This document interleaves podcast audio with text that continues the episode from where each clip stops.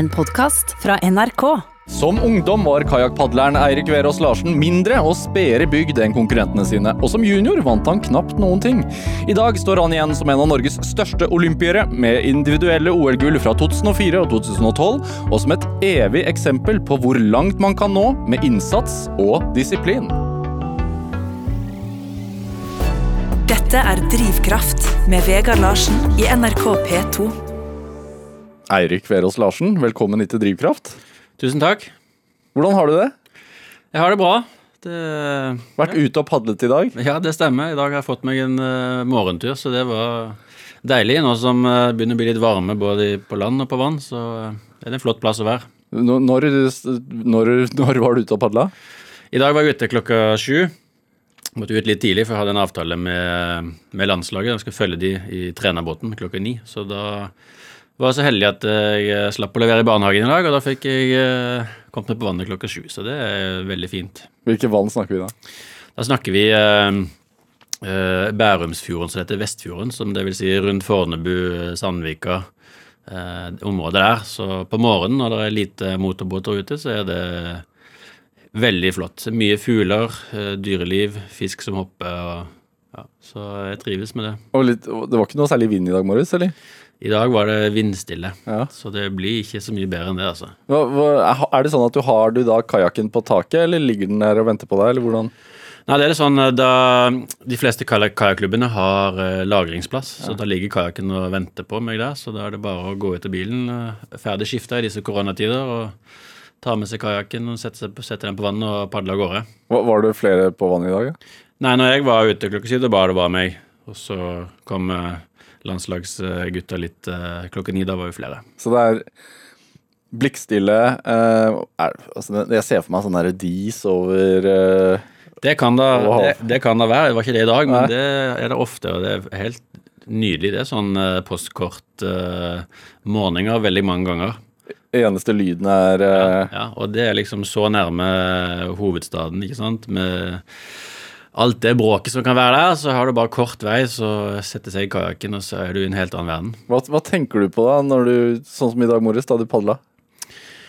Altså Ofte så er det jo at jeg, jeg føler at det, det, For meg så blir det sånn meditasjon samtidig som det blir trening.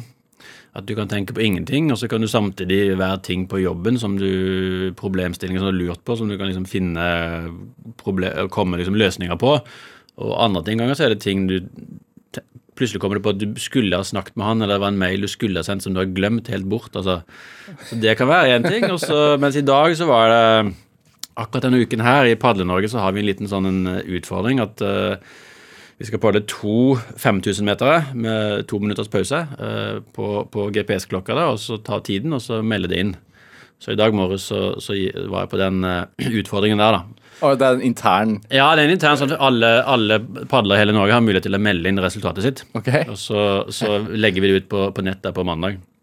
Før, Førstkommende mandag. Førstkommende mandag. Så da, så da prøvde jeg meg på den i dag, og da, da går det litt fortere enn vanlig. Da må jeg ta i litt, ikke sant. Så da er det ikke så mye tid til å tenke på andre ting. Da blir det mer sånn komme tilbake til tenke på Konkurranse. konkurranse, ja, ikke sant, og tenke på pusten sin og teknikken og flytte båten bra nå. Klarer jeg å holde den farten som jeg har starta på her i ja, 25 minutter, som det tar å padle 5000 meter, så Hvor mange, hvor mange er med på den interne konkurransen? Forrige uke så hadde vi litt, da var det ikke 5000, da hadde vi litt andre distanser, og da var det en, eh, nesten 100 stykker da. Ja. Hvordan gjorde du det?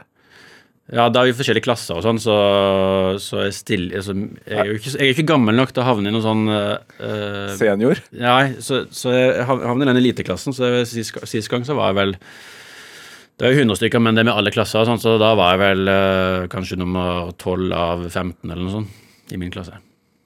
Oi, svir det litt, eller? Nei, det, er ikke, det, det gjør egentlig ikke det, for nå er jeg sånn at uh, jeg vet nivået mitt, så jeg, jeg Altså, jeg, jeg bruker tidene, liksom, og ser er dette bedre enn forrige gang jeg prøvde. Ja. For uh, å, å prøve, liksom, og Jeg vet hva jeg har gjort, og jeg vet at jeg er veldig, veldig mye dårligere nå, så det har jeg blitt vant til, da. Men de landslagsgutta som du uh, var med på følgebåt uh, også i dag morges, Ja. holder du tritt med de, eller? Nei, Nei. det gjør jeg ikke.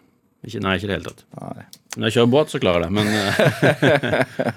Men altså, Eirik Veriås Larsen, du har, du har levd som toppidrettsutøver i ja, nesten 20 år.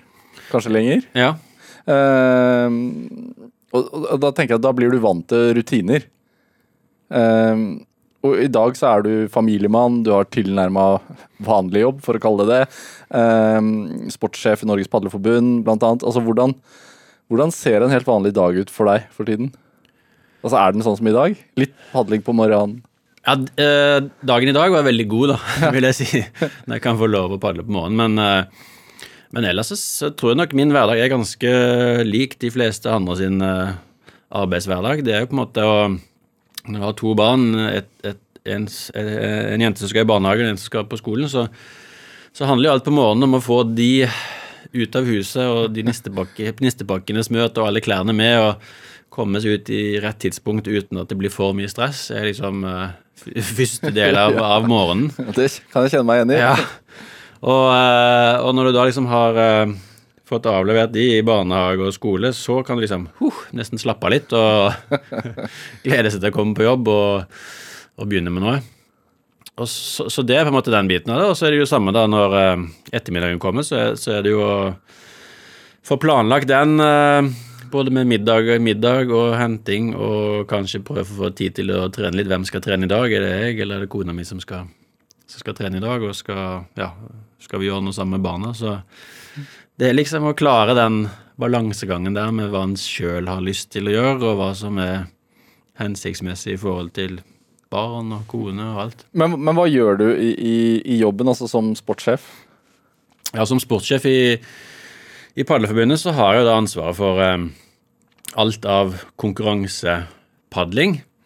Eh, og det vil si ikke bare de beste, men det vil si fra, fra en, en eh, ung, eh, et ungt barn kommer inn i klubben som tiåring, så handler det også om hva, hva bør klubben eh, gjøre, hvilke typer treninger, hvordan skal vi lære de opp, eh, hvor, hvor mye skal være lek, hvor mye skal være trening, hvordan skal vi få utdanne nok trenere til å ta imot alle de som har lyst til å padle.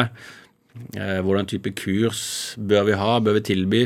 Så liksom hele den prosessen der ligger også under mitt under meg. Og så er det selvfølgelig den biten når de blir litt eldre, når vi begynner å reise rundt på, eh, på verdenscuper og, og VM-er og sånn, hvordan vi skal organisere det, og hvem som skal være med, og uttak. Så, så det er mye forskjellig. Og så er det jo på en måte den biten med at du har et budsjett da, som du skal få alt til å gå opp, opp med. med. Eh, hvor mange utøvere kan vi ha på laget, og hvor mange kan vi tilby et godt opplegg. De, Og ikke minst ansette trener, da. Eh, Få ansatt de trenerne som, som man har lyst til å ha med seg. de, disse tiåringene, hvor, hvor mye lek og hvor mye trening skal de ha, tenker du? Altså, Ja, eh, mye, mye lek. Uh, mest mulig lek som på en måte hvor, hvor øvelsene er har en, eh, et bak, eller man har liksom en hensikt med det, sånn at uh, de oppfatter det som lek, men så likevel så vet vi at uh, dette hjelper de til å få god balanse i kajakken uh, som de har bruk for, uh, for senere. når er det når, altså, i, I hvilken alder er det man leken går over til alvor, holdt jeg på å si? Nei, altså I, i padling så, så prøver vi å holde på den uh, leken veldig lenge, og, og så ser vi at uh, hvis vi skal ha padler som blir gode, så må de på en måte bestemme seg sånn rundt 14-årsalderen at, at uh, da er det dette de har lyst til, og at det, blir, ting blir veldig mye mer strukturert. Eh, så i forhold til mange andre idretter så, så kan man si det er seint. og vi ser jo også at når, folk, når barn kommer inn som 10- eller 11-åringer, så har de gjerne vært innom mange forskjellige idretter, og i noen idretter har de allerede blitt eh, eh, sagt at her er du for dårlig, ikke sant? Så, så kan de komme til oss, eh, og så begynne litt på nytt. Ja. Eh, Så det er veldig fint. Og grunnen til at de ikke begynner tidligere med padling, er jo det er veldig ok å ha barn som kan svømme når du skal drive med padling, så vi har den sikkerhetsbiten på plass. Og det andre er at um, det, å- det å ja, skulle manøvrere en kajakk, både med litt sånn vind og strøm og motorbåter og sånn, det, det krever litt. Og da ser vi at ti år stort sett er en fornuftig alder Ja. Man, man kan bli god i en kajakk selv om man ikke er god i fotball, f.eks. Absolutt. Absolutt. Jeg vil si at det er ingen eh, sammenheng eh, i det hele tatt. Eh, altså, I mange år så var du tilknytta Olympiatoppen, eh, toppidrettssenteret, eh, som jo trener veldig mange av eliteutøverne i landet. Ja. Eh, når var det du skjønte at eh, treningskompetansen din og dine erfaringer kunne være nyttig for, for andre enn deg sjøl? Ja, nei, altså, jeg trodde jo at selvfølgelig at jeg, det er sånn når du slutter som utøver, så tenker du jo at ehm, det jeg har lært, eh, det er absolutt den ene og rette veien til eh, suksess. så når jeg da var så heldig å få, få jobb i Olympiatoppen etter, ehm, etter karrieren min var over, og så hadde jeg jo også da en teoretisk bakgrunn fra idrettshøyskolen, så jeg har gått, eh, tatt et hovedfag der. Så tenkte jeg at uh, det, her blir, det, her blir, fint. Men, men uh, veldig veldig fort så merker du jo at uh, det er ikke sånn det, det, virker. Det er veldig mange veier til rom. Det er mange, mange veier til å bli god. Så, så, det liksom å skulle lage noe blåkopi, det er nok det dummeste man kan gjøre. Men det er liksom noen hovedprinsipper som, som går igjen. At man på en måte man må ha virkelig lyst til å oppnå noe stort og at man bør være flink til å kunne analysere litt med det en holder på med. Stoppe opp litt og se seg tilbake. Har jeg blitt uh, har jeg blitt, uh, fått den fremgangen jeg hadde forventa å få i den perioden som har vært nå? Og hvis ikke, hva gjør jeg da? Ja. Så, så, jeg merka det etter hvert at uh, kanskje, jeg gikk ut med litt høy fane. og det er dumt. At da blir det på en måte veldig mange som trekker seg litt unna. Og etter hvert så lærer man seg liksom måter å samarbeide på som gjør at man kommer inn på trenere og inn på utøvere og kan få til en god samtale. Eh, og stille noen spørsmål istedenfor å si at sånn og sånn skal du gjøre det. Ja, Viktig å stille spørsmål. Ja, veldig viktig å stille spørsmål. Så Da lærer man jo veldig mye tilbake igjen også, og ser at det er veldig mange der ute som, som har gjort ting på en måte som, som jeg kanskje skulle ønske at jeg gjorde selv. da. Ja. Har du opplevd opp igjennom at eh, folk som skulle trene deg, eller som har vært eh, i, i, i, den type posisjoner, ikke har stilt spørsmål? Og, og liksom kjørt litt over deg i stedet? Jeg vil si at jeg har vært heldig i min, i min um, karriere. Og de trenerne som jeg har vært så heldig å ha helt fra jeg var, var liten. At um, til tider så, så er det klart før man får noe innsikt selv, så er det jo viktig at, at, den, at noen er ty tydelige eh, og sier at sånn gjør vi det. Ja. Men etter hvert liksom, som man begynner sjøl å stille litt spørsmål, så, så har jeg vært opp, oppfordra til det. altså. Så jeg, har ikke opplevd, jeg kan ikke komme på um, at jeg har opplevd den type trener så mye. Og også sånn etter hvert da når, man, når jeg var aktiv og begynte å jobbe med Olympiatoppen, så har jo de en måte å jobbe på som er veldig eh, filosofi, det å Eh, å skulle stille spørsmål og selvfølgelig få utøveren til å uh, eie det og, og forstå uh, og være enig. For man ser at hvis man ikke som utøver ikke er enig, eller at man ikke forstår hva man holder på med, så, så blir det ikke godt nok. Det det uh, ikke så mange kanskje veit, er at du har jo ikke bare påvirket folk som driver med idrett. Altså, du har jo vært med å påvirke hvordan vi her i NRK uh, f.eks., og kanskje andre også, lager TV og radio. Uh, gjennom noe som vi kaller verdensklassemodellen. Er det, er det ditt uh, uttrykk, verdensklassemodellen, eller har det blitt et samarbeid? Eller? Ja, akkurat uttrykket verdensklassemodellen har blitt et, uh, et samarbeid, ja. og på en måte det navnet kom jo da NRK fram til. så det, det, var veldig kult.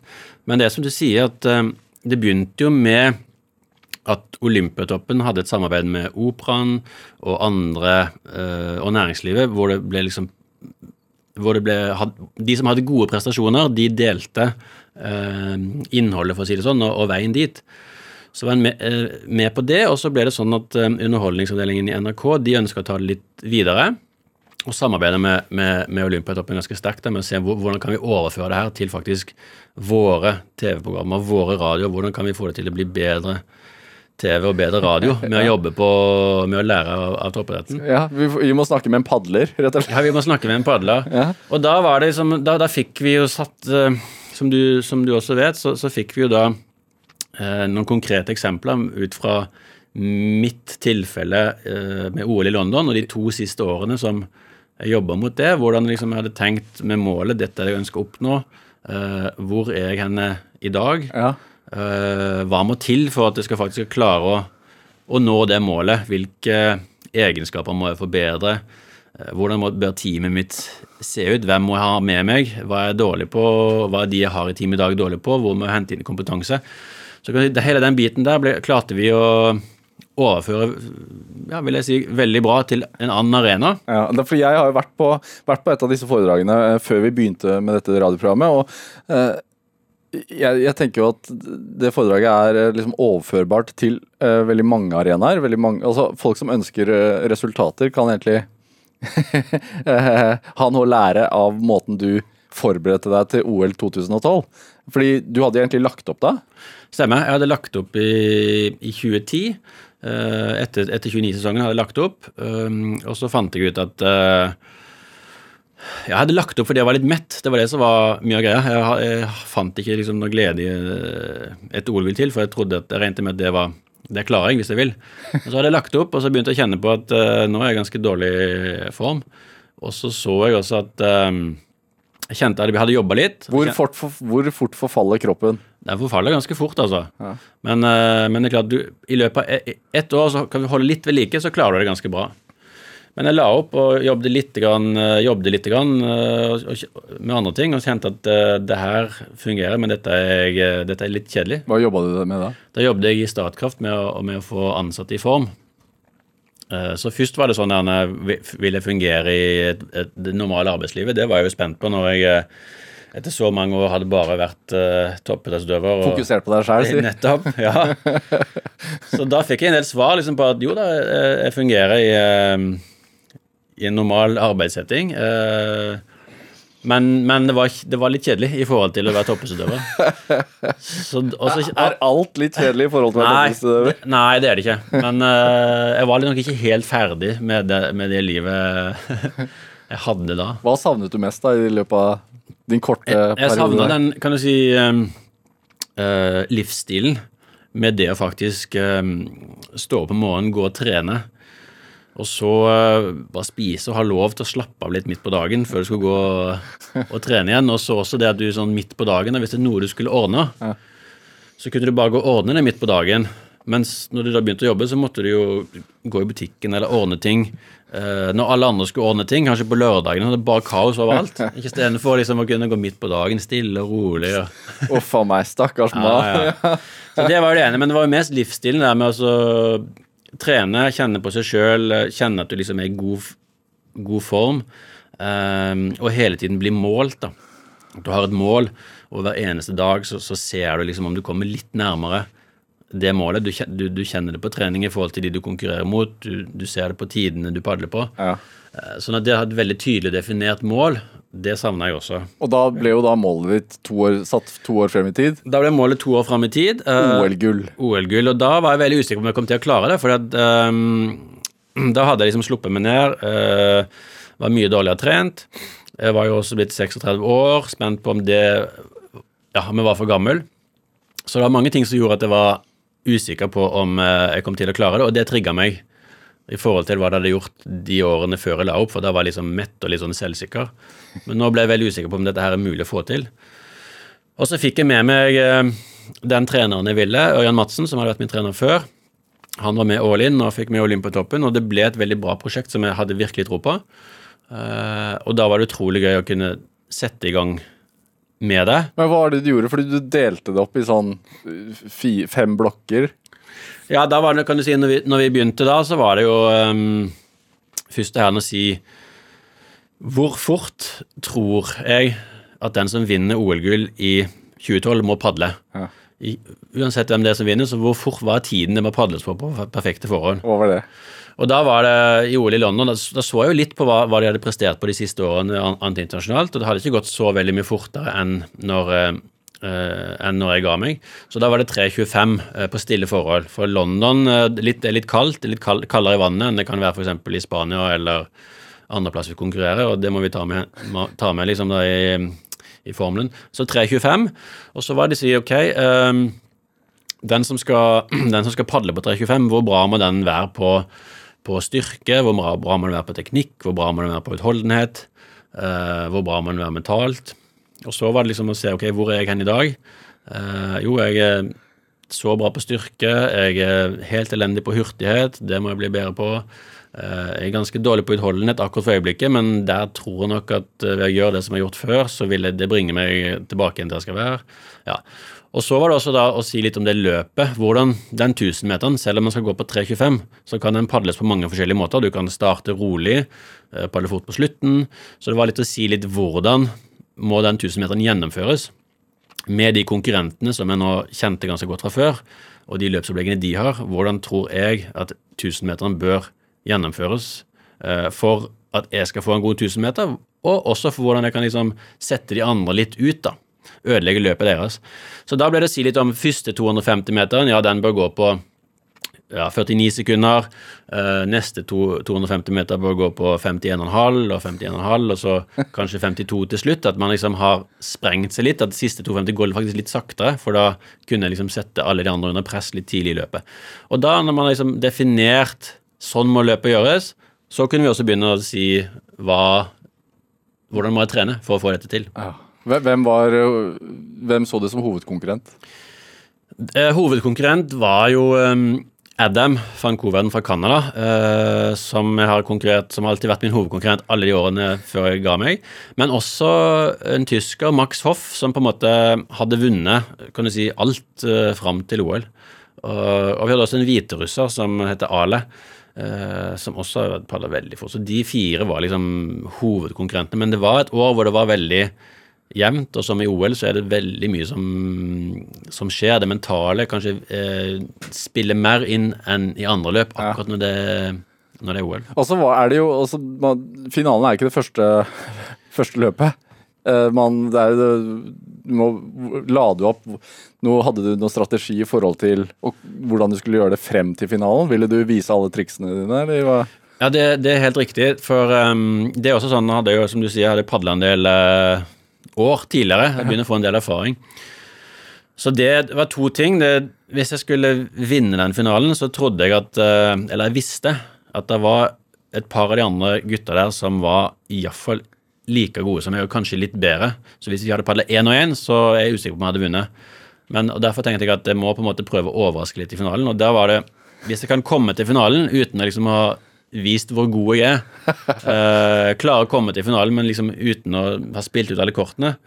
Så er det ofte sånn at man før man til finalen så, så, så, tror man at folk er så og så gode. Og da ønsker jeg liksom å ha et lite sånn ess i armen med at jeg i den finalen kunne være uh, enda bedre de første 250 meterne enn jeg hadde vist tidligere. Ja. Og dermed sette konkurrentene mine under press. Hvordan, pleier, altså, hvordan brukte du å starte? Vanligvis så, så så starta jeg jo så fort jeg kunne, men da ville jeg ofte være to båtlengder Når det var padla i 250 meter, så ville jeg være to båtlengder bak uh, Adam, som ofte var, var veldig, rask. veldig, rask. Og så ville jeg være én båtlengde bak liksom resten av feltet. Og så ville jeg jobbe meg oppover. Ja. Men nå var jo målet å være uh, ikke være like rask som Adam, for det, det var på en måte å strekke litt, så, så det klarer jeg ikke. Men å kunne være iallfall én båtlengde lenger framme enn jeg vanligvis pleier.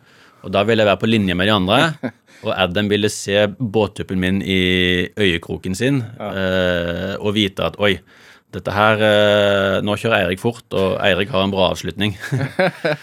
det er litt sånn Det er som en sportsfilm, eh, dette her. Du, du legger opp, dårlig trent, kommer tilbake. Det er som en rockefilm. Du trener i isødet eh, med stokker, bare. Nei, altså, men hva, hva tror du han eh, Adam van Coverden tenkte liksom på startstreken før dere gikk i gang? Altså, han så han bort på deg, tror du, og tenker sånn Han gamlingen der, han er ferdig? Ja, altså, jeg tror det. Jeg tror eh, ut fra de innledende løpene og hva som var prestert uh, tidligere på året, ja. så var det ikke meg som de frykta mest. Altså, sånn, jeg var nok kanskje én, men det var ikke noe sånn at oi, det her blir, kommer Eirik til å vinne. Nei. Jeg tror nok det var absolutt var uh, tyskeren Max Hoff og, og hviterusseren som var de som var, var store konkurrenter. Ja. Så, uh, men så vet alle at, at, jeg har en god avslutning, så det derfor var det liksom viktig å være, være høyt uh, oppe. Jeg syns vi skal høre uh, på starten av løpet, uh, kommentert her av NRK. Skal vi se. Da er OL-finalen på K1 1000 meter i London 2012 i gang. Det virker som Verås Larsen treffer ganske bra på de første takene, side om side med svensken Gustafsson. Men Koferden han er meget rask. Ja da, Eirik fikk en veldig god start, eh, i motsetning til Max Hoff, som eh, kom litt på hæla med en gang her. Men vi ser at det er eh, van fra Canada som har tatt føringen her allerede. Men Eirik er veldig godt med her, syns jeg, i forhold til resten av feltet. Ja, ikke mer enn en båtlengde bak. Han slipper mindre nå enn han gjorde i semifinalen. Det er et veldig veldig godt tegn. Han har jo trent på å tåle harde åpninger i år. Ja da, dette her ser veldig veldig bra ut så langt. Han ligger nå bare en båtlengde bak van Koverden og eh, helt på linje med resten av eh, feltet. Van Koverden var favoritt også for fire år siden. Da nærmest kollapset han og endte på åttendeplass. Verås Larsen nummer to allerede ved 250 meter. Det er nesten bedre start enn vi kunne drømme om. Ja da, det er det. Det er en mye bedre start enn han har vist oss tidligere i år. Ja, Vi fikk eh, de første 250 meterne fra, Ja. fra OL 2012. Og du, du sa det var viktig for deg å ligge bare én båtlengde bak etter 250 meter. Ja, Og det gjorde du. Det gjorde jeg. Så da, ikke sant, da er det sånn du har sett for deg et, du har sett for deg et løp, øh, og når da løpet går, og, og det som du har sett for deg og drømt om kan skje, når du plutselig er i den posisjonen, så blir det jo veldig sånn forsterka. Du har ikke bare Følelse. sett for deg, du har trent og trent og trent for å kunne ligge der. Jeg har, jeg har trent og trent for å kunne ligge der, øh, men jeg vet jo ikke hva Adam har gjort. ikke sant? Jeg vet jo ikke hvor fort han åpner, så han kunne jo kanskje åpne enda fortere. Eh, men jeg, jeg var liksom, følte jo at jeg traff bra på åpningen, absolutt. Men når du da i tillegg ser at du er bare en båtlengde bak Adam, så tenker man, og da vet man allerede at flott, dette her er, dette her er bra. Dette her vi vil være. Men kommenteringen der er veldig på merket i forhold til den planen du hadde lagt. Ja, den, den, den, er jo absolutt, eh, den er jo absolutt det, men det er jo litt sånn eh, Altså, en 1000 meter i padling, det, hva skal man si, det er ikke så mange måter å kommentere på heller, så det blir liksom litt sånn ut ifra Og Knut, og Knut Holmann sant, har jo padla noen løp, så han, eh, han kommenterer jo ut ifra hvordan man vanligvis, kan du si, ja. tenker en 1000 meter. Vil jeg, ja. Vi skal, vi skal høre de siste eh, 500 meterne også.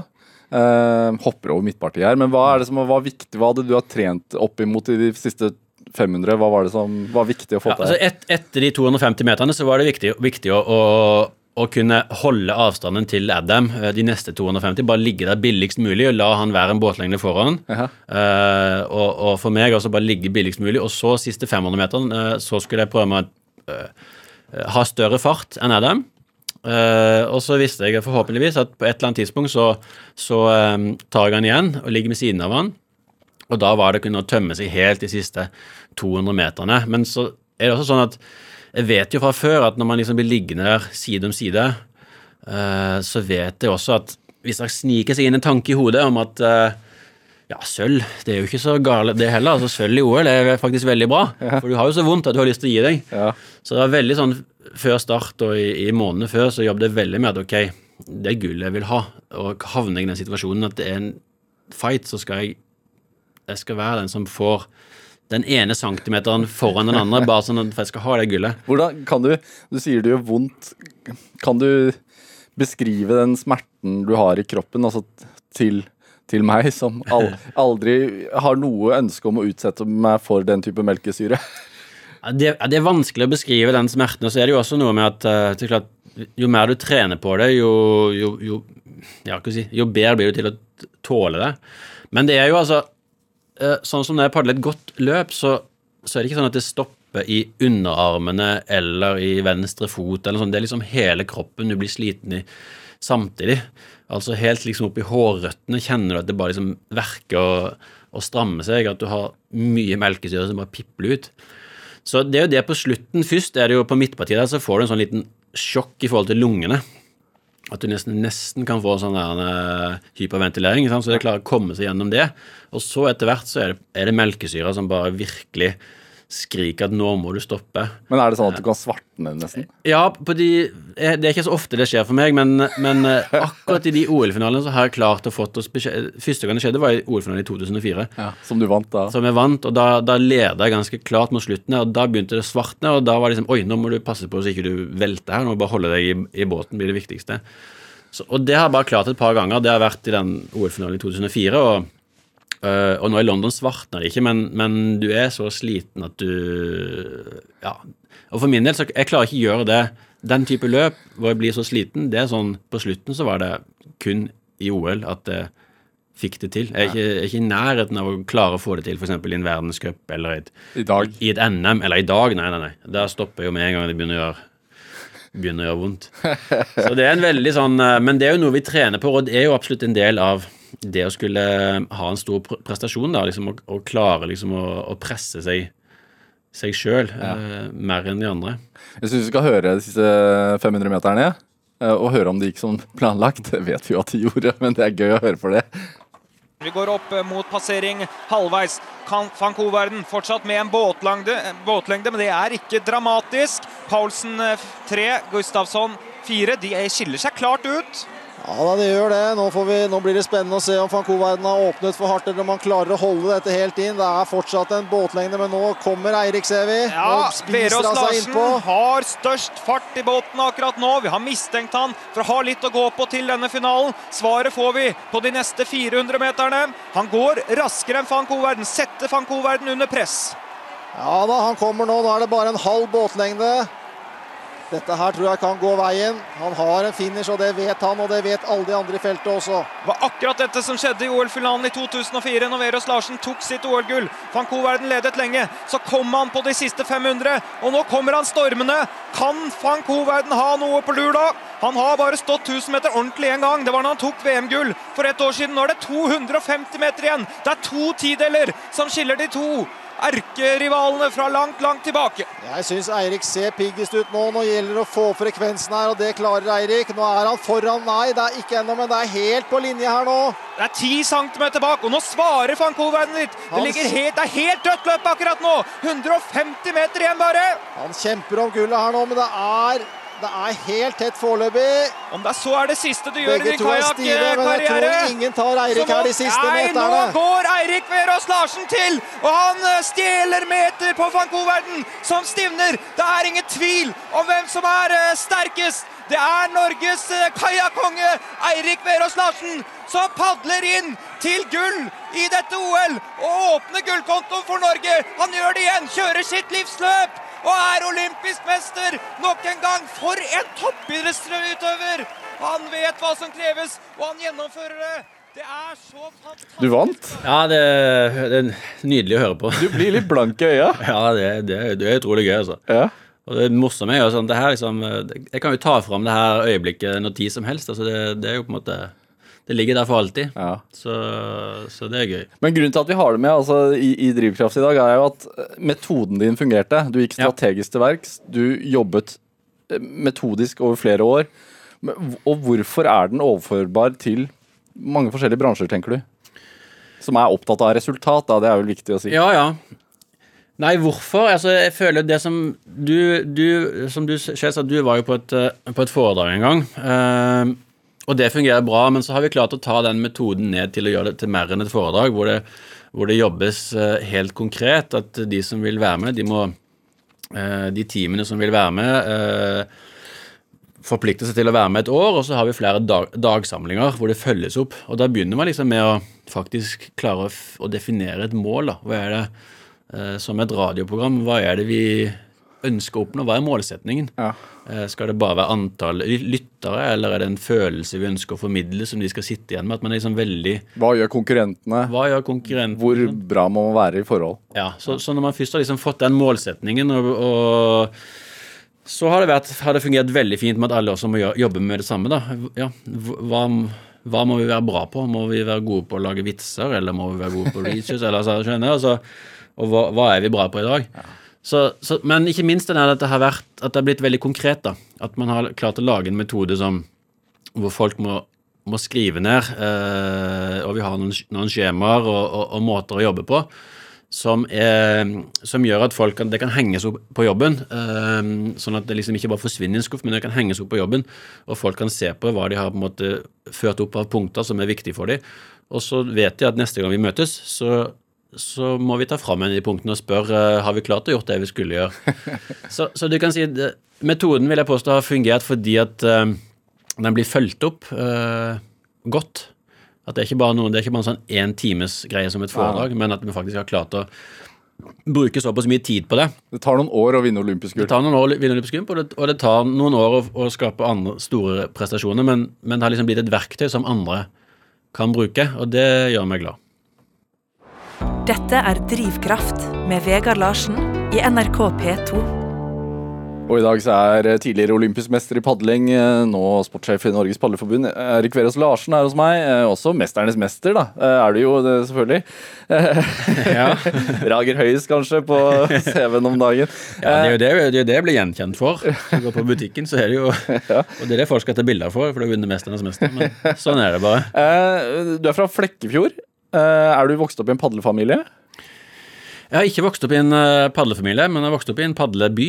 Det, det vil jeg si. Så um, jeg har vokst opp i en familie som um, hvor um, ja, mor og far som var veldig flinke til å ta meg og min søster med ut på tur. Og da var det Ja, jeg føler at liksom hver helg så hadde vi en eller annen tur ut i skog og mark. Om det så var opp til en liten fjelltopp i nærheten, eh, eller på vinteren dra på en liten, kjøre litt bil for så å dra på, på ski. Så det er iallfall sånn jeg husker barndommen min, at det var mye ut, ut i skog og mark. Eh, så det er jeg veldig glad for. Men Ikke ut på vannet? ikke ut på båt, da. Ja. Eh, I Flekkefjord så må du ha båt. Så det har vært veldig mye i båt i tresnekka vår. Eh, og eh, Men konkurranseinstinktet, kommer det hjemmefra? det, Nei, det Ja, det Ja, hva skal jeg si? Jo, det gjør kanskje det, altså. Det gjør kanskje det. Jeg merker jo at eh, at jeg har liksom hatt i hvert fall en, en far hvor hvis vi skulle spille noe kort, eller et eller annet, så var det viktig for han å vinne, spesielt slå mamma. så det kan godt være jeg kommer hjemmefra med Er det sånn på hjemmebane hos deg også? Du er jo gift med en, eh, en eh, padler også, Ja. som har konkurrert mye. Konkurrerer dere? Vi konkurrerer. Det er ofte sånn at kona mi konkurrerer med meg uten at jeg vet det. det er det, så Nei da, men det, det, jeg føler at vi begge to har konkurrert ganske ferdig, så vi har ikke sånn veldig behov for å konkurrere om alle mulige andre ting. Så hun merker ikke at du har konkurranseinstinkt?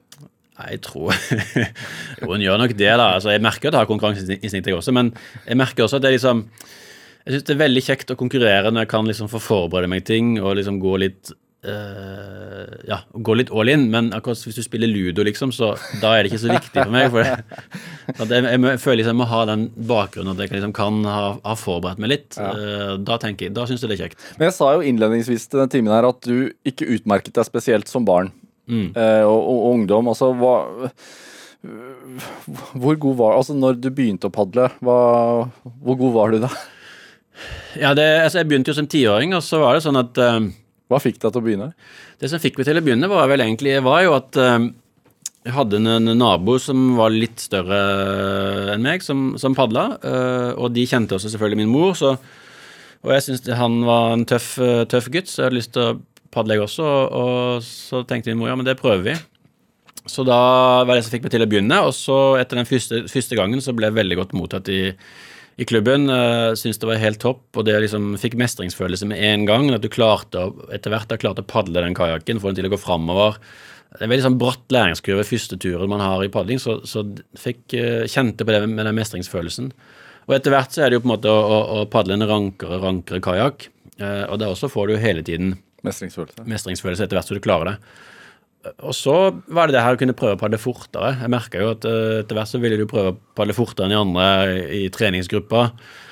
Og, eh, og når man klarte det, så stakk man seg lenger ikke sant, til å prøve å kanskje slå noen som var eldre enn seg sjøl.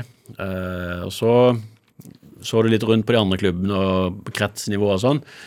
Så det var den biten. Men, men eh, før puberteten så var jeg egentlig ganske ok. Jeg var ja, blant, blant de beste i, i klubben og sånn. Og så kom jeg seint i puberteten, så da havna jeg eh, bak, eh, absolutt. Eh, og da gikk det ikke så fort og kom ikke så høyt opp på resultatlistene. Men, men igjen så var klubben også veldig flink til å ha jevnlige sånne små konkurranser eller små tester hvor vi tok tiden. Så jeg fikk veldig fokus på liksom det å forbedre meg sjøl. Så selv om andre som kanskje ikke trente så mye som meg, eller hadde begynt å padle senere, plutselig padla fortere enn meg, så, så klarte jeg å finne motivasjon ved hjelp av de trenerne som var i klubben, til at jo, jeg har faktisk blitt bedre, jeg padler faktisk fortere enn sist gang. Ja, Faren din har sagt at du veldig tidlig begynte å skrive treningsdagbok. Ja, jeg, jeg begynte faktisk som eh, sånn, eh, jeg tror rundt 13 år å skrive treningsdagbok. Eh, Hva skrev du der, da? Da var det med, da var det først i begynnelsen så var det bare å skrive økten vi hadde gjennomført, og kanskje hvor vi padler hen, og hvor mange kilometer. Så tiden var på vannet, og hvor mange kilometer, den har liksom alltid blitt, blitt ført. Så i starten var det bare det å lære liksom å, å skrive. Og dette var jo treneren min, Olaf Søylen, som, som selv er verdensmester fra 70-tallet, som, som, begynte med og introduserte. Um, og jeg syns det var helt topp å skrive den treningsdagboken og liksom føre litt oversikt over hvor mange kilometer som jeg hadde padla denne uka, om jeg kunne klare å padle mer kilometer neste uke. Så det var liksom der det begynte. Og så etter hvert så har jo de treningsdagbøkene selvfølgelig blitt mer og mer avansert. Ja, For du har skrevet det opp igjennom hele veien? Det har jeg. Ja. Han, han, eh, Olaf Sølen, som tidligere verdensmester, mm. Eh, han sa at uh, han ikke så spor av talent hos deg de første årene han trente deg. Er det en overdrivelse, eller?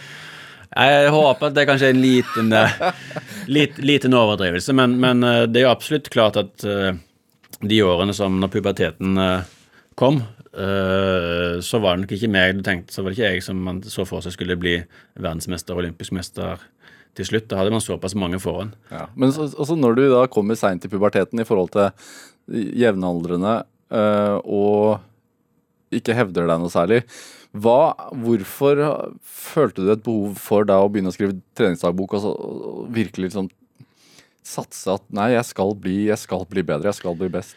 Altså Akkurat det med treningsdagbok var vel mer at det, det ble liksom introdusert fra trener. ja, men Var det viktig for deg sånn sosialt? Nei, altså, det, ja, akkurat treningsdagboka var ikke så viktig den gangen, tenker jeg, men, eh, men eh, det å være i klubben der sosialt, komme ned altså, å vite at i dag er det eh, trening på klubben, og komme ned og, og, treffe de andre gutta der ja. og jentene, uh, og bare få være der og padle og leke litt og bade og, og, holde på, det var kjempeviktig. Altså, det var liksom min Det ble min identitet ganske tidlig, den gruppa og kajakklubben.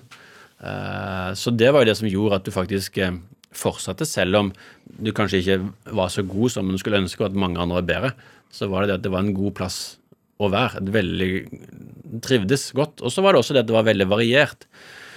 At vi padler jo mye, men vi, vi tidlig så, så løp vi også mye. Vi løp i skogen, var på turer også der, sånne helgeturer. Eh, med løping til en eller annen fjelltopp. Og på vinteren så gikk vi på langrenn, og så, og så på vinteren så svømte vi en del. Vi var inne i gymsal og drev med eh, ja, forskjellige typer eh, sirkeltrening der. Og så hadde vi styrkerom, og vi var litt på alpin. Så det var liksom veldig mye som skjedde. Og det er en periode i, i livet når man er usikker, øh, ikke helt vet hvem man er. Hvor viktig vil du si at det var for deg?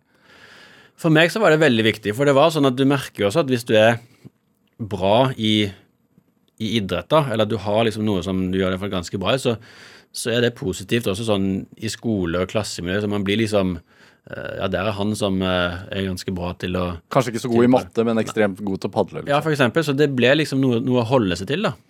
Eh, så det merker jeg var, var, viktig, men først og fremst så var det den der samholdet ja. i, i, i, den gruppa som var i kajakklubben. At det var liksom min, min gjeng, min flokk. Men, men, uh, og så etter hvert så slutta jo, når vi ble liksom sånn 16-17, så slutta jo mange av de. Uh, for da ville de andre jo da, Det merka jeg var litt uh, Det var tungt. Det var liksom en tung periode. Det var ikke så mange igjen. Mm. Men så var det ikke så lenge til jeg skulle flytte, eller var slutta på videregående og skulle flytte liksom til en annen plass hvis jeg går padle med andre. Så det var liksom å holde, holde det gående, selv om da kanskje ikke var den perioden hvor man hadde det kjekkest. Med arbeidsmoralen din, som tydeligvis er veldig sterk, da er det noe du har med deg fra moren og faren din, f.eks.? Ja, det føler jeg faktisk. At uh, det har jeg lært fra jeg var liten og har sett på mine, mine foreldre, både i, i, jobbsammenheng, hvor når jeg vokste opp, så hadde, hadde de en, uh, en byggforretning da, som både, ja, både, bygde hus og, og solgte trelast. Uh, og de jobbet knallhardt for å, for å få det til å, å fungere. Du har på deg trelastcaps i dag også? Ja, det har jeg faktisk. Det er litt, litt, litt tilfeldig, men uh, vi har, Padleforbundet har en av sponsorene til Padleforbundet er den, den lokale HC uh, Tøgland trelastforretning her. Så. Men jeg trives godt i den, jeg trives godt for å si det sånn på trelastlaget ennå.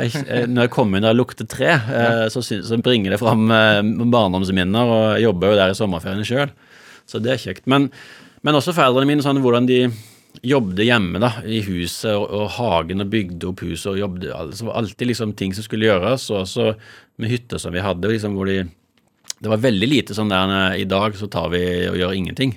Det var alltid noe som, som uh, lite prosjekt som skulle skje. Uh, og jeg ser jo det sjøl når jeg er blitt voksen den dag i dag, liksom, hvor mye som fakt, hvor mye innsats det kreves da for å holde bare ting ved like, eller hvis du ønsker å gjøre noe med, med hagen eller få ting til. da. Ja. Så den arbeidsmoralen de hadde, da, eh, med at ting skulle være ordentlig, og at de alltid hadde et lite prosjekt. Altså, det var sånn Ja.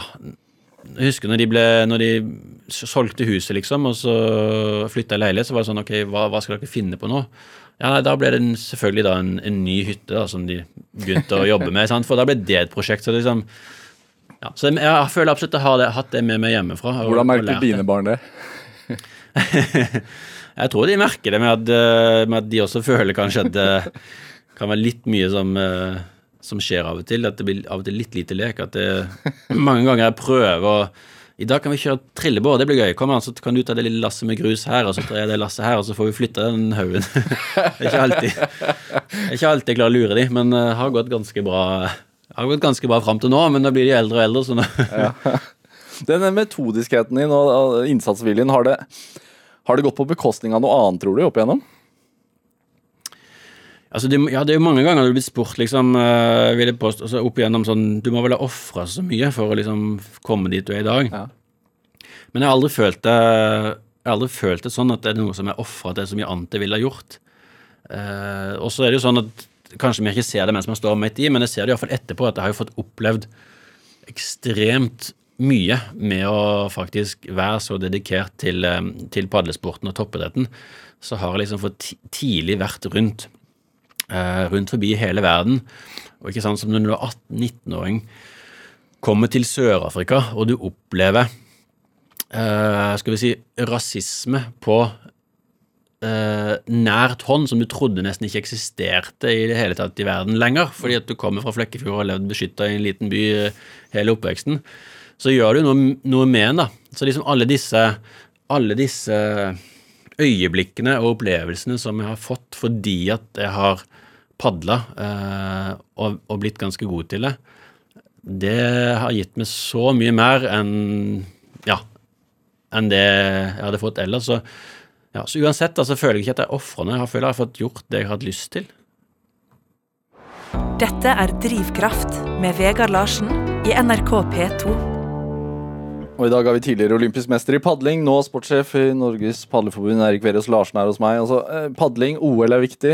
OL i Tokyo i år er utsatt. Det de snakkes om at altså utsatt til neste år, men det er liksom tvil om det kommer til å bli noe av det også. Eh, I forhold til om det kommer en koronavaksine eller ei. Altså, hva tenker du om det i forhold til sporten din? Ja, nei, det, det er en vanskelig situasjon, da. Altså, det er klart, som, så er jo vi som alle andre så er det jo viktigst at, vi, at dette gjøres på en god måte, og at ikke man blir noen ny eh, pandemi, eller at den blusser opp igjen. Eh, så vi må jo bare forholde oss til, eh, til, det som blir vedtatt. Så det er vanskelig. altså. Jeg håper jo at, eh, at det kan la seg gjennomføre i 2021, som det nå er planlagt. Men, eh, men, går det ikke, så går det ikke. Sånn er det jo bare. Men var, eh, jeg er veldig glad for at jeg ikke var oppe i den situasjonen her som utøver. Jeg tenker at det er for en toppidrettsutøver som har hatt det som, som, mål. Det er det ene. Men det andre er liksom sånn som nå, når det ikke er noe konkurranse i det hele tatt. Man er vant til at det man trener for, eh, og det man elsker, det er å konkurrere og måle seg sjøl. Og nå er det plutselig ingenting som, som blir arrangert eh, ja, Nasjonalt skal vi klare å få til uh, ting etter hvert, men, men, internasjonalt så ser det ut som det kanskje blir noen ting i, hele 2020. Hvis man hadde tenkt at dette var eh, Altså hvis dette hadde skjedd i 2012, da, da du hadde ja. trent i to år for å mm. gå ditt siste OL, eller ja. Ja, hva, hva, hadde du gjort da, tror du? Jeg vet faktisk ikke. Uh, sånn umiddelbart så ville jeg sagt jo, jeg hadde tatt et år til, men, uh, men jeg er veldig usikker. Jeg, jeg, jeg, tror jo at jeg, at jeg hadde vært klar for å fortsette et år til, men det var iallfall det jeg hadde tenkt sånn med en gang det ble utsatt. Men nå igjen så, så ser jeg som det er fortsatt så mye usikkerhet. Og da liksom å gå kanskje et helt år og være sånn usikker, det er fryktelig. Jeg ser på de og det i treningsarbeidet, det å klare å holde motivasjonen oppe og klare liksom å yte det beste hver eneste dag, er vanskelig, for det blir liksom sånn Ja, hvorfor skal vi det? Kan vi ikke bare ta det litt ned nå, og så gir vi full gass eh, når vi vet litt mer? Fordi man ikke ser et mål i horisonten? Fordi man ikke ser et mål, for det er det hele toppidrettslivet har vært bygd opp mot. Det er liksom et mål eh, hvor du skal forbedre deg, eh, og se om du har forbedret deg. Og for de, som, for de, som, er litt yngre, så er det greit. Da kan man liksom eh, gjøre tester, og det holder med nasjonale stevner og se om man forbedrer seg. Men for de aller beste så må man ha de internasjonale konkurransene for å faktisk se om man har forbedra seg eller ikke. Det er som pisk og gulrot uten gulrot. Ja, det er faktisk det. Ja. Så, så det er en, det er en an, veldig annerledes situasjon. Og så kan du si det som er fordelen, er at det er jo likt for alle. Det er jo likt for alle, alle de internasjonale andre paddene også. sånn at da kan man liksom snu det og så se at ok, da må vi faktisk sørge for at vi utnytter denne situasjonen, eller bruker den best mulig. Ja. Vi må være de som, når det blir åpnet opp igjen, som har ja, tatt de smarteste valgene uh, i den perioden her. Ja. Men det er vanskelig når vi ikke vet hvor lang perioden blir. Så jeg, jeg, bare, jeg er veldig glad for ikke det, det skjedde når jeg sjøl satsa. Det er jeg. For jeg vet, ikke hva, jeg vet ikke hva jeg hadde gjort der på slutten av eh, karrieren. Men frykter du for, eh, for sporten i forhold til det? Altså Siden man ikke vet faktisk når man kan ha stormesterskap igjen? Nei, jeg frykter, jeg frykter ikke for sporten. Det gjør jeg ikke. Altså, vi er jo en av, av idrettene, jeg tror jeg, som Eller som, som kan klare å gjennomføre konkurranser uten at uh, vi skal bryte noen smittevernregler. Ja, men Sånn som OL, det er jo avhengig av at folk flyr Ja. inn fra alle verdens hjørner. Det er det, og det er det som gjør det øh, vanskelig. Også, også VM selvfølgelig er samme. Ja. samme. Eh, Så, så jeg håper jo selvfølgelig at uh, man finner løsninger på det etter hvert. Men hvis vi ikke kan ha VM og ikke OL på, på lang tid, så så er det vanskelig for sporten. eh, Men samtidig så er det sånn at eh, hvis vi kan, hvis vi kan eh, fordi at vi er en idrett hvor vi ikke har fysisk kontakt med hverandre, komme igjen tidlig, så vil jo det være noe som hele verden venter jo på å få se litt sport. da, Så hvis vi kan være en av de som kan komme igjen og arrangere dette her på en god og fornuftig måte, så vil jo det igjen være positivt for sporten. da. Hva tenker du om sport uten publikummere? Ja, det jeg tror eh, Det er liksom både òg. Jeg tror eh, For vår del, så for padlings del, så tror jeg det kan gå ganske, ganske bra. Fordi at vi er ikke så Siden det er ute på vannet da, så er det ikke så tett på publikum. Det er liksom litt avstand til publikum uansett. Eh, og der blir det viktigste å på en måte få det formidla på, på TV. Men selvfølgelig en fotballkamp hvor du som, som hjemmelag liksom er vant til å ha på de store stadionene liksom 40 000 eller ja, Fler. mange flere, som bare Det trøkket, det blir jo en kjempeforskjell, da. Ja. Eh, Det blir det, men eh, så tenker jeg en del idretter så vil det gå helt fint, en andre idretter så vil det bli veldig stor forskjell, men det er jo bedre enn å ikke, ikke arrangere. Ja, ikke sant. Eh, vi må snakke litt 'Mesternes mester' også. Det er uunngåelig. Ja, ja. Jeg tenker sånn, Når man legger opp, så mister du gradvis konkurranseinstinktet da? Ja, altså, jeg jeg vil si det. Altså, for min del så var det når jeg la opp da, så følte jeg at eh, ja, nå har jeg prestert det jeg skal prestere, og jeg har ikke klart å trigge fram konkurranseinstinktet på å delta på turløp på ski eller tilsvarende på padling. ikke sant? Det er liksom Jeg vet uh, Ja, jeg, er ikke i nærheten av å ha det samme konkurranseinstinktet. Men jeg så deg i 'Mesternes mester'. Ja, ja. akkurat på 'Mesternes mester' så, så, så kjente jeg på det igjen. Altså, det, var helt, det var fantastisk å kunne få de ukene der nede. Du ville vinne fra dag én, virket det som. Ja, det så, nei, ja, når jeg kom ned der Først så tenkte jeg eh, jo, vet du hva, dette her, eh, det her skal jeg vinne. Og så et, etter noen øvelser tenkte jeg oi sånn, ja, det her kan jo gå begge veier. For her eh, gjelder det å være Du skal ikke gjøre mye feil før du plutselig er ute. Så da ble det liksom mer om å ta hver eneste øvelse, sørge for å gjøre den så bra som mulig. Og det var der konkurranseinstinktet kom inn, liksom. At det som jeg elsker med 'Mesternes mester', du, du kommer der eh, på morgenen, og så vet du ikke helt hvor øvelsen er. Kommer du liksom kjørende i bussen, og så prøver du å snike deg til å se hva det er, og så får du sett det, og så begynner du å tenke med en gang ok, hvordan kan jeg gjennomføre den eh, øvelsen her på best mulig måte? Hva er det smarteste valget å gjøre der? Skal jeg bare klinke til alt jeg har, eller må jeg prøve å finne en jevn fart, eller sant? Hele, det var sånn, da, da er du rett i konkurransebobla med en gang. Og selvfølgelig, når startskuddet går, så er det liksom det å klare å De øvelsene hvor vi var flere samla på linjen, det å klare liksom å ikke se på de andre, være konsentrert om bare seg sjøl, holde fokus på seg sjøl, kjente meg igjen så. Og, og den følelsen der har jeg ikke kjent på siden jeg, jeg la opp. Tenker du at livet blir litt bedre hvis man liker å konkurrere? Det er litt sånn uh, som den der, jeg kjenner, Det er en reklame som er sånn at eh, livet er litt bedre for de som elsker idrett, eller ja. Ja. Jeg føler litt det, altså. Det er en sånn greie når du liker å konkurrere, og du klarer, å bli- kan bli satt i de setningene, så for min del så Det gir sånn et lite ekstra kick til, til hverdagen. Å få de tre ukene i 'Mesternes mester' hvor det var flere konkurranser hver eneste dag, eh, det, var, det var helt nydelig. Når man driver med idrett på det nivået du har gjort, altså det er jo masse oppturer, men det er ganske mange nedturer òg, kan jeg tenke meg. Hva, hva lærer man av nedturene? Ja, ja minst, En av mine største nedturer var jo i 99, når vi øh, ble diska for tjuvstart i OL-kvaliken, sånn at det da i utgangspunktet ikke ble noe OL i 2000. Ja. Og da lærer man jo liksom For min del så var det liksom Du må bruke litt tid på å akseptere at faktisk sånn er det, og så er det liksom å klare å snu det og se hvordan øh, er det mulig å komme til OL likevel? Øh, begynne med målsetningen og hva skal til? Hva må, hva må til for å få det til? Altså, så, så det er liksom Lære å ikke gjøre den feilen igjen, selvfølgelig. For min del har jeg ikke tjuvstarta siden den gangen det skjedde. For det, så, så lære av det, og så er det jo det ordtaket der, men det, det, som du, det, som ikke bryter deg ned, det blir du sterkere av. Uh, og det føler jeg har fungert, da. Ja. Så jeg føler jeg har lært absolutt mye av de nedturene. Og det første OL jeg hadde, var jo et uh, OL hvor vi i K2 egentlig skulle prestere ganske godt, uh, og vi presterte veldig dårlig. Og det lærte jeg også veldig mye av i forhold til forberedelser og fokus og det mentale. Kort uh, mot slutten her nå, Erik Veres Larsen. Hva, hva, driver deg i dag? Ja, Det som driver meg i dag, jeg merker det som egentlig altså, var litt vanskelig å sette ord på det, men jeg merker faktisk det at mestringsfølelse Det å, om det så var som i, i kajakken, det å klare å få til noe, det som, du, det som du har hatt lyst til, det målet du har hatt, å få det til, om det så var å padle en, rankere kajakk og så kjenne at nå får det til, eller sånn som i dag, da, når man har lyst til at uh, det konseptet med, med, som jeg har jobbet med, med å sette seg et mål og jobbe mot det, og kunne overføre det til andre arenaer, uh, og faktisk se etter hvert at nå har vi klart å knekke en kode her som funker på uh, på andre arenaer og andre jobbsammenhenger, da får jeg en mestringsfølelse med at nå har jeg fått det til. Så mestringsfølelse er det som driver meg. Eirik Velas Larsen, tusen takk for at du kom hit til Drivkraft. Takk for å bli invitert. Produsent og researcher i dag er Kjartan Aarsand.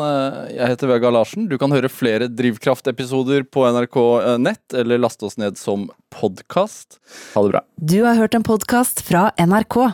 Hør flere podkaster og din NRK-kanal i appen NRK Radio.